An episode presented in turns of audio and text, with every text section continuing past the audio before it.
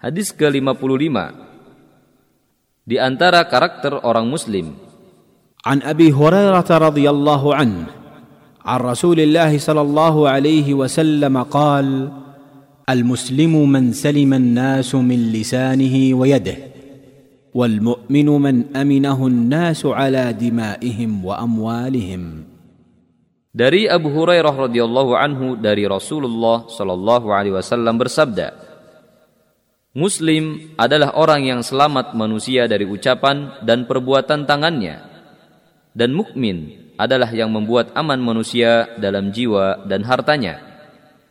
Hadis riwayat Nasai dan Muslim dan ini lafaz Nasai menurut Al-Albani hadis ini hasan sahih.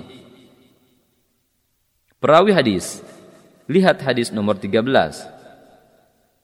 Beberapa faedah hadis ini adalah Hadis ini menganjurkan seorang muslim agar berperilaku amanah jujur dalam interaksi sosial dan bersikap wara dari kezaliman terhadap manusia dalam jiwa dan harta mereka.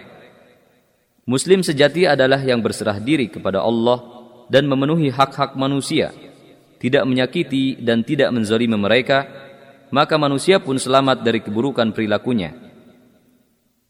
Hadis ini mensifati seorang muslim dengan perkara lahir, yaitu selamatnya manusia dari dirinya dan mensifati seorang mukmin dengan perkara batin, yaitu manusia selamat darinya pada jiwa dan hartanya.